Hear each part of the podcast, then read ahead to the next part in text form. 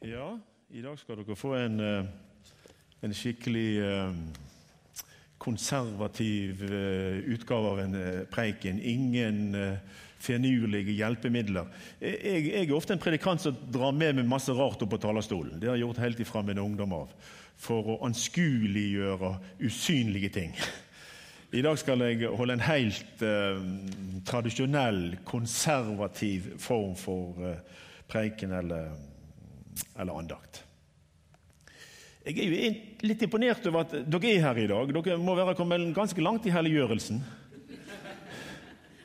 Når jeg gikk gjennom byen i dag og så Torvameldingen og hva de stelte i stand der, så fikk jeg egentlig ikke lyst til å være der. Men jeg måtte jo her.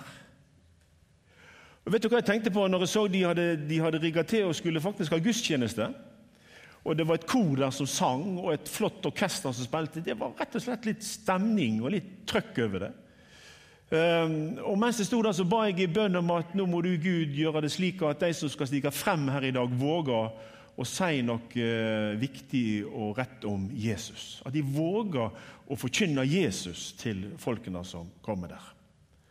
Og Så spolte jeg litt tilbake i tid. Eh, på begynnelsen av 90-tallet var jeg engasjert litt her eh, på en møteserie med, med, med IUF her i Betlehem. Og vi, hadde, og vi hadde torgmøte. Og vi hadde torgmøte på Torvaldmeldingen på, på, Hattens dag. Og det er jo nesten like stort som sykkel-VM i Bergen. For det krelte med folk.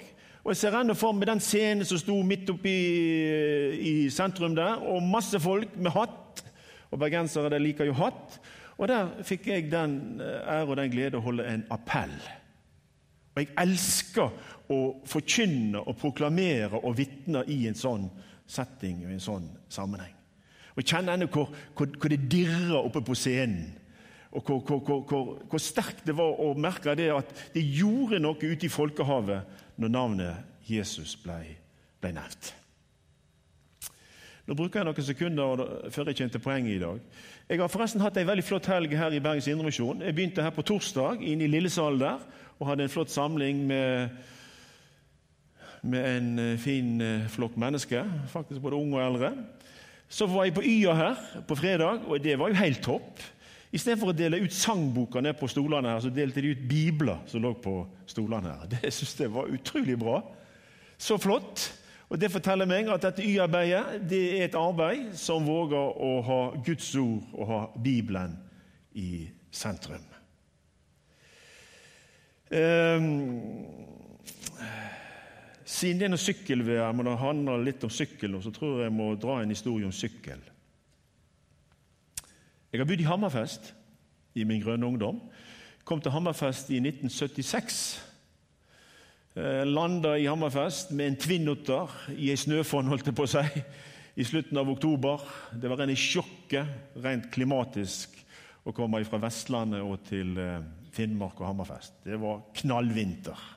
Det var mørketid. Men i denne mørketida her så eh, ble det varme følelser for hun som ble kona mi. Hun var sykepleier på sykehuset der. og en dag eh, det var vår, og det var sommer og det var midnattssol, så hadde hun vært og besøkt meg.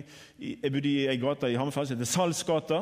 Ligger midt i byen Der Der ligger bedehuset vårt, Betania. Og Så skulle hun sykle hjem, og så tenkte jeg jeg skal følge henne litt på veien. Så jeg satte meg bak på sykkel. Hun var ikke særlig gentleman. Men det var koselig, og hun var god å sykle. Jeg fant ut Hun holdt i hvert fall balansen. Dette her går bra, og Vi sykler bort gjennom Fuglenesveien, som det heter, der inne i havnebassenget i Hammerfest, mot uh, Fuglenes og sykehuset oppe i høgget der som bodde. Plutselig så kommer der en politibil. Atle, forresten, har du tid å være her i dag? Du er ikke her, nei. Har du smittet deg? Ja. Plutselig så kommer det en politibil, og jeg tenkte kan jo så tenkte jeg, Der er visst noen regler om sykkel, og sånn, så kanskje, kanskje, det er helt reglementert, dette her som vi nå gjør, at, uh, at det er noen som sitter bakpå en sykkel. Ruller han der polisen ned vinduet, og, så, og vi stoppet selvfølgelig. Så han stiv av skrekk. I hvert fall var jeg stiv av skrekk. Så ser han bort på meg og sier 'Du, var ikke det bedre dere bytta plass?'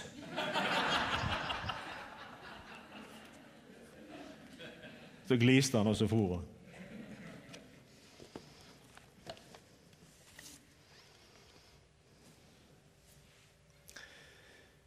Du nevnte valg. Får jeg ta den òg? Jeg syns det var veldig flott du, du, du ba for, eh, for, Norge, og du ba for uh, de som skal styre landet vårt nå. Og Jeg må jo bare si at jeg er ikke lite kry for, der, for at det finnes et menneske som heter Erna. Nå har noen kalt henne for Jern-Erna, og jeg syns det er veldig dårlig gjort. For hun er et fantastisk menneske som har gode kvaliteter. Og bare det at hun er fra byen Bergen, det bør virkelig føre til at vi eh, på et særlig måte ber for hun som statsminister. Jeg har lyst til å be, be ei bønn nå, nå, før jeg starter på det jeg har lyst til å si videre her i dag. Be ei spesiell bønn for Erna Solberg. At hun må få eie klokskap og visdom og være med og bygge landet Norge. Ja. På en klok og god måte. Og gjøre gode og rette valg i dagene som kommer. Og Det burde vi ha bedt om, samme hvem som vant valg, og samme hvem som ble statsminister i Norge. Men jeg syns vi, vi, vi, her i dette området skal være litt kry. Fordi at vi har en, en, en, en solid person i, i uh, Erna Solberg. Og jeg, jeg, jeg, kjenner på det at uh, hun, hun må jeg be mye for. Hun må jeg legge frem for nådens trone. At hun kan makte det trøkket og det presset som er fra alle kanter i dette å bygge et godt Norge på sikker grunn. Skal vi be ei bønn til? Far i himmelen. Takk for vi får være her denne flotte søndags formiddag. Takk for vi får være her og lytte til et ord. Og nå ber vi om din gode Hellige Ånd fortsatt ved tankene våre, sinnet vårt, så vi kan lære enda grundigere å kjenne deg, og enda mer forstå hvor viktig det er å bygge. Bygge på sikker grunn, og bygge med de rette materialer, og bygge etter de rette forskrifter. Da sier du at da skal huset stå i all slags vær. Vi ber for eh, Erna Solberg, som står foran en eh, formidabel oppgave og skal fortsatt være med og styre og lede Norge. Vi ber om klokskap og visdom. Vi ber om at du skal fylle henne med dine tanker og din ånd, holdt på å si, enten hun vil eller ei. Vi ber om at du skal på en særlig måte beskytte henne, gi henne det hun trenger til i dag og dager som kommer, for å være med og ta kloke og rette valg for nasjonen vår. Og du sier jo sjøl i ditt ord, hvis ikke du, Herre, vil være beskytter og verner av folk og land, så arbeider til og med de som har fått oppgaven å beskytte og verne folk og land, forgjeves. Derfor så vet vi hvor viktig dette her er. Hold de hånd om henne, og hold de sterke hånd om de som i dager som kommer, nå skal være med og lede nasjonen vår inn i nye utfordringer og nye oppgaver. Det ber vi om i Jesu navn. Amen.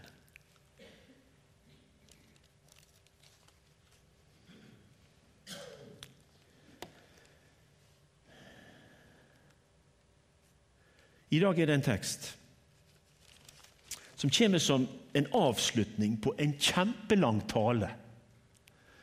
Og det er nesten litt, er nesten litt på kanten å ta ta, ta, ta, denne teksten ut av sin store sammenheng, men vet, det ville jo blitt litt av en preik hvis vi i, i, formiddag skulle ha tatt for oss alle punktene og alle momentene i eh, saligprisningspreika som Jesus holdt på en fjelltopp, mest sannsynlig oppe i Galilea. Denne preika holdt han for disiplene sine. Det var ikke en sånn eh, allmenn folketale. Det står i begynnelsen av kapittel 5 i Matteus at han holdt altså denne talen for disippelskaren sin, den nære krets. Om det var bare de tolv, eller om det var en utvida disippelflokk, det vet vi ikke, men det var i hvert fall disiplene, og ikke en direkte folketale, slik vi ellers ser og hører han gjorde mye av. Lukas refererer også noe tilsvarende som eh, Matteus 5, 6 og 7 eh, gir oss i kapittel 6 i Lukas. En veldig komprimert utgave, tror jeg, av noe av den samme talen og undervisningen som Jesus holdt her på Saligprisningsberget. Jeg vet ikke om noen av dere har vært på det stedet i Galilea der de kaller plassen og stedet for eh, Saligprisningsberget. Jeg er ikke så overbevist om at det var der det skjedde. Men hvis det var der, så er det greit, og hvis det ikke var der, så er det jo greit for meg. Jeg bare vet det skjedde, og det var en kjempeviktig tale Jesus holdt her. Der han egentlig gikk litt i rette med den utviklingen som hadde vært i tiden, ved at ting hadde endra seg, glidd ut, blitt lagt til, trukket ifra. Og Derfor var oppfattelsen ute i de religiøse miljøene blitt ganske, ganske utvatna på veldig mange områder i forhold til hva det, det egentlige budskapet var. Så Jesus holdt en veldig sånn korrigeringstale. Saligprisningene er en veldig sånn korrigeringstale der han drar saker og ting inn igjen i lyset og sier hva som egentlig var meningen, og hva som egentlig sto skrevet. Jeg leser fra Matteus 7, og jeg leser fra vers 24. Derfor vær den som hører disse mine ord, og gjør etter dem. Han vil jeg sammenligne med en klok mann som bygde huset sitt på fjell. Og regnet øste ned. Vannflommene kom, og vinden blåste og slo mot dette huset. Men det falt ikke, for det var grunnlagt på fjell. Men hver den som hører disse mine ord og ikke gjør etter dem, han er lik en uforstandig mann som bygde huset sitt på sand og regnet øste ned, og vannflommene kom, og vinden blåste og slo mot dette huset. Og det falt, og fallet var stort. Jeg tror jeg skal spandere å lese fra Lukas eh, 6 og vers 46 til 49, som egentlig omhandler mye av det samme, men det er brukt litt andre ord og uttrykk. Altså Lukas 6 fra vers 46. Her i min bibel så har det en overskrift 'Bygg på klippen'. Bygg på klippen. En kjempegod anbefaling, men jeg vil si det er mer en befaling enn en anbefaling. Men hvorfor kaller dere meg Herre, Herre, og gjør ikke det jeg sier? Vær den som kommer til meg og hører mine ord og gjør etter dem. Jeg skal vise dere hvem han, han er lik. Han er lik et menneske som bygde et hus, som gravde dypt og la grunnmuren på fjellet.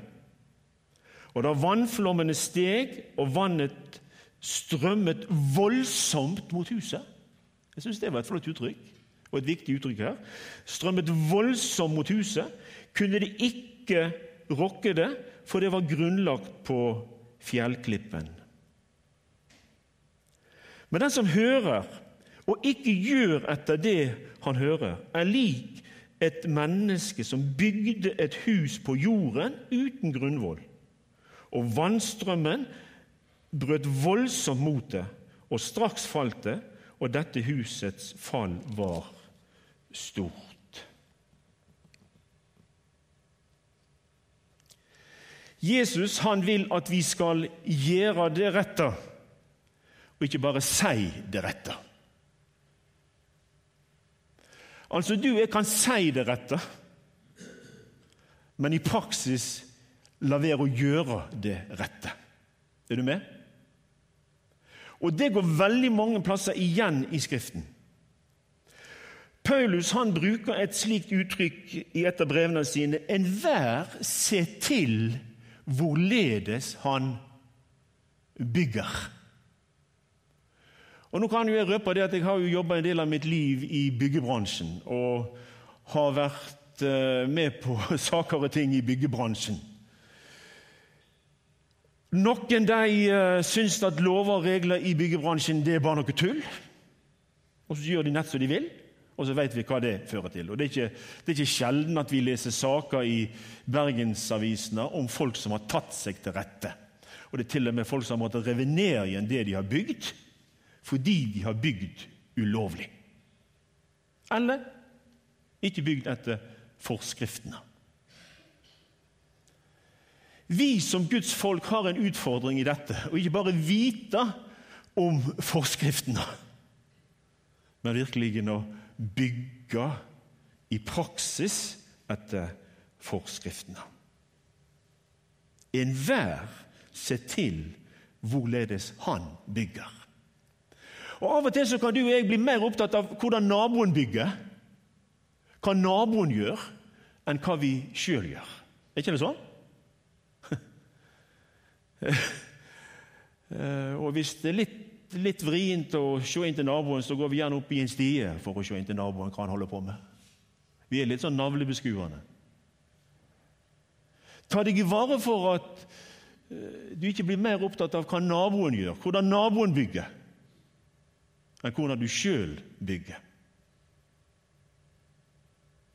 Hvordan du sjøl i praksis innretter livet ditt etter denne grunnboka, hovedboka, Bibelen. Ja. Fundamentet, fjellet, som Gud har gitt oss. Og det tror jeg jeg må si her denne formiddagen.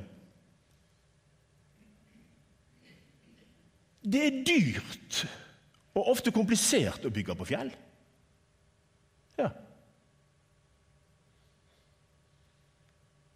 Det er ganske strevsomt til tider å bygge på fjell. Ja. Det er ofte mer tidkrevende, og det er faktisk av og til kjempedyrt å bygge på fjell, sammenlignet med å bygge på sand eller på leirer, for å bruke det bildet her i dag. Jeg drar det òg inn i det kristne livet. Det kan være veldig krevende i 2017 å bygge sitt liv og bygge sin framtid på boka Bibelen, på det som står skrevet. Og Her ligger mange fristelser framfor oss i dag med å lage våre egne forskrifter. Vi syns gjerne disse forskriftene som står i denne boka her er litt urimelige og litt i tøffeste laget.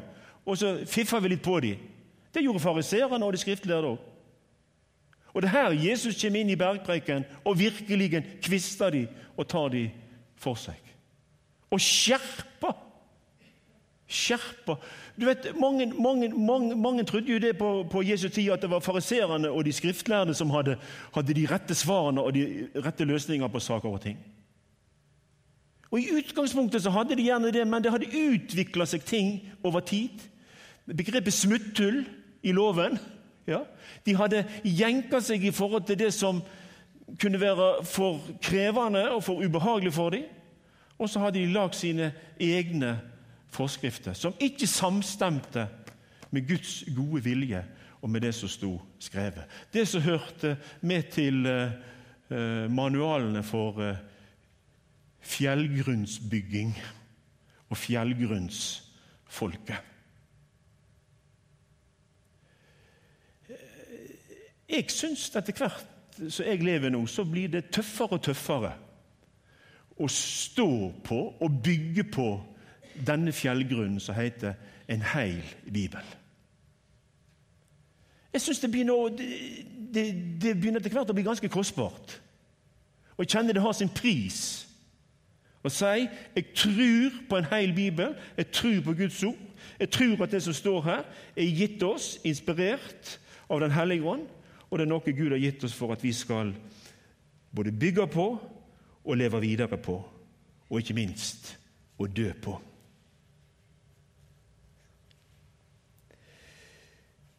Jeg, jeg var sammen med ei flott uh, ung uh, dame som kom fra sør... Uh, Sørvest-Asia. var på besøk her i, i Norge i sommer. Blant annet i, uh, var hun innom på UL, mener jeg, men hun kom også innom på bibelcampen vår i Lyngdal sammen med noen representanter for Åpne dører. Og hadde en flott kveld for oss på Lyngdal bibelcamp.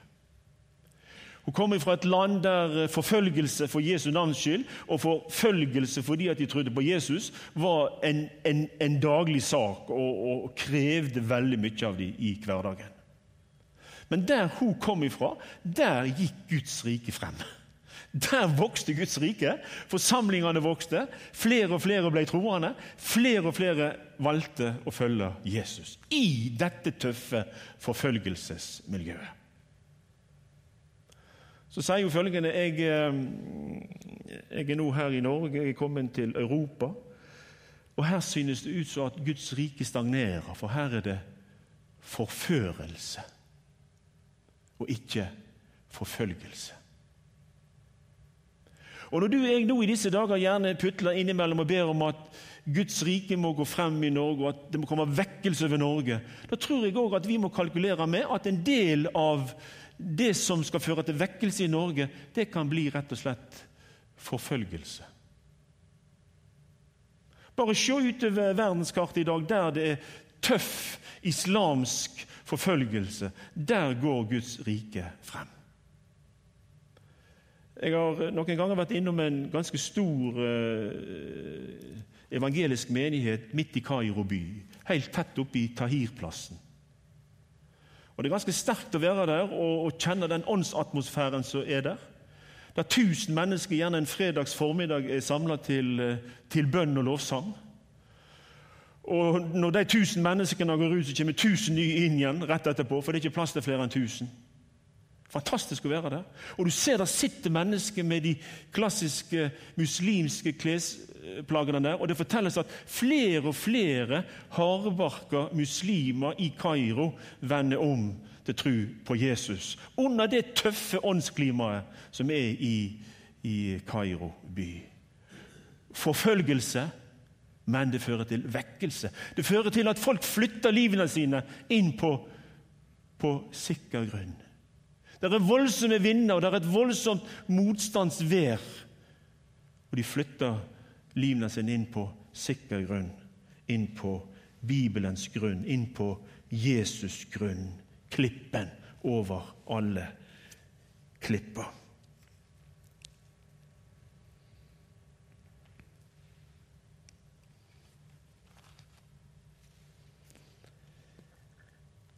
Det er mange sandgrunnspredikanter i dag, og jeg ønsker ikke å være en sandgrunnspredikant.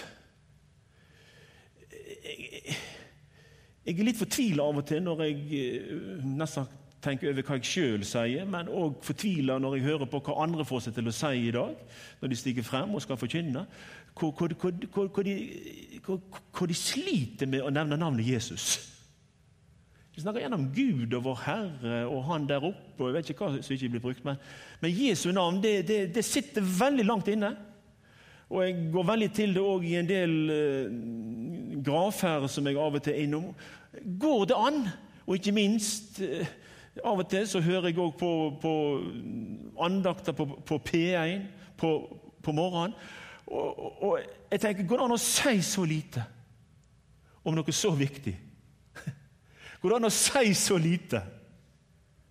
Går det an å, å være så langt borte fra poenget? Og Det høres ut som de anbefaler stadig vekk mennesket om å bygge livet sitt, dagen sin, evigheten sin, på sandgrunn og ikke på fjellgrunn.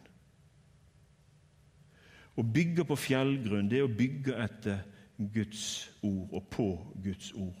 Koste hva det koste vil. Og igjen, det har sin pris, men det fører til frelse og evig liv. Og jeg tror at Vi eh, som ikke vil være sandgrunnsfolk og sandgrunnspredikanter i dag, men vil være fjellgrunnsfolk og fjellgrunnspredikanter, vi må på en veldig tydelig og sterk og klar måte holde frem disse tre knaggene som jeg nå avslutningsvis sier litt om. Vi må minne folk om at det Gud ga Moses på Sinai, det står ennå ved lag. Det må ikke vi drive på å endre. Det må ikke vi drive på å devaluere. Noen trodde jo at Jesus var kommet for å avskaffe loven, men så måtte han gå i rette med det og si at jeg er ikke kommet for å avskaffe loven, men jeg er kommet for å oppfylle loven. Men det at Jesus oppfylte loven, det betyr ikke at etterpå så er det bare pytt-pytt med hele loven. Da gjør vi nett som vi vil. Nei, loven ligger der. Det Gud ga Moses, som du leser om i 2. Mosebok 20, på, på Sinai, der Guds hellighet ble åpenbart på en veldig sterk og klar måte, står enda ved lag.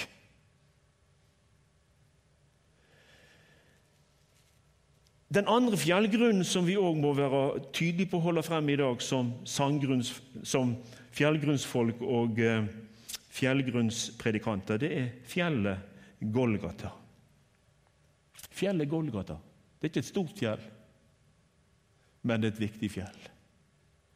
Historiens viktigste fjell, historiens viktigste plass midt i Jerusalem, der Gud viste sin hellighet på sin sønn Jesus Kristus. Der Gud gjorde opp, forsonte verden med seg sjøl.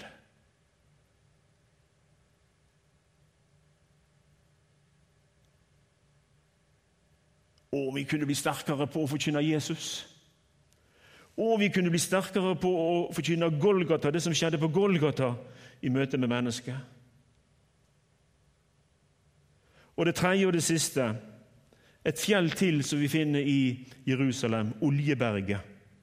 Alltid spennende synes jeg å stå på Oljeberget og se utover Jerusalem. Og Hver gang jeg står på Oljeberget og ser utover Jerusalem, så tenker jeg her, her kommer han en, en dag.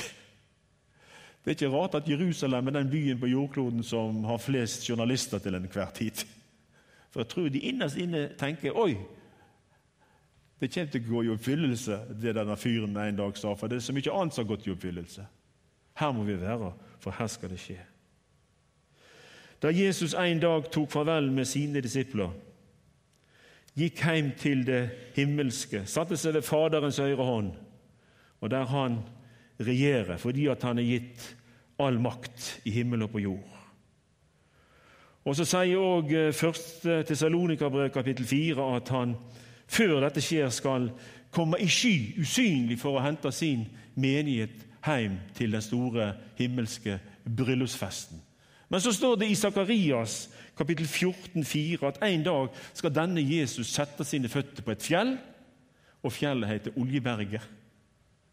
Og han skal gjenopprette alt som inntil da har vært ufullstendig og ufullkomment og har gått i stykker.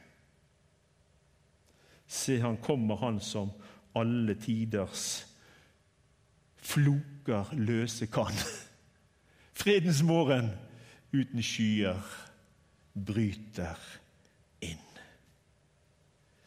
Vi fjellgrunnsfolk og vi fjellgrunnspredikanter i dag vi vil holde frem disse tre Sinai, Golgata, Oljeberget som viktige momenter, som viktige knagger i all vår tru og i all vår forkynnelse. Og på den måten fører mennesket vi møter på vår vei inn på sikker grunn. Det var det jeg hadde på hjertet i dag. Gud velsigne deg. Gud velsigne deg til å bygge på sikker grunn. Koste hva det koste vil. Det har sin pris, men lykke til med ditt byggeprosjekt.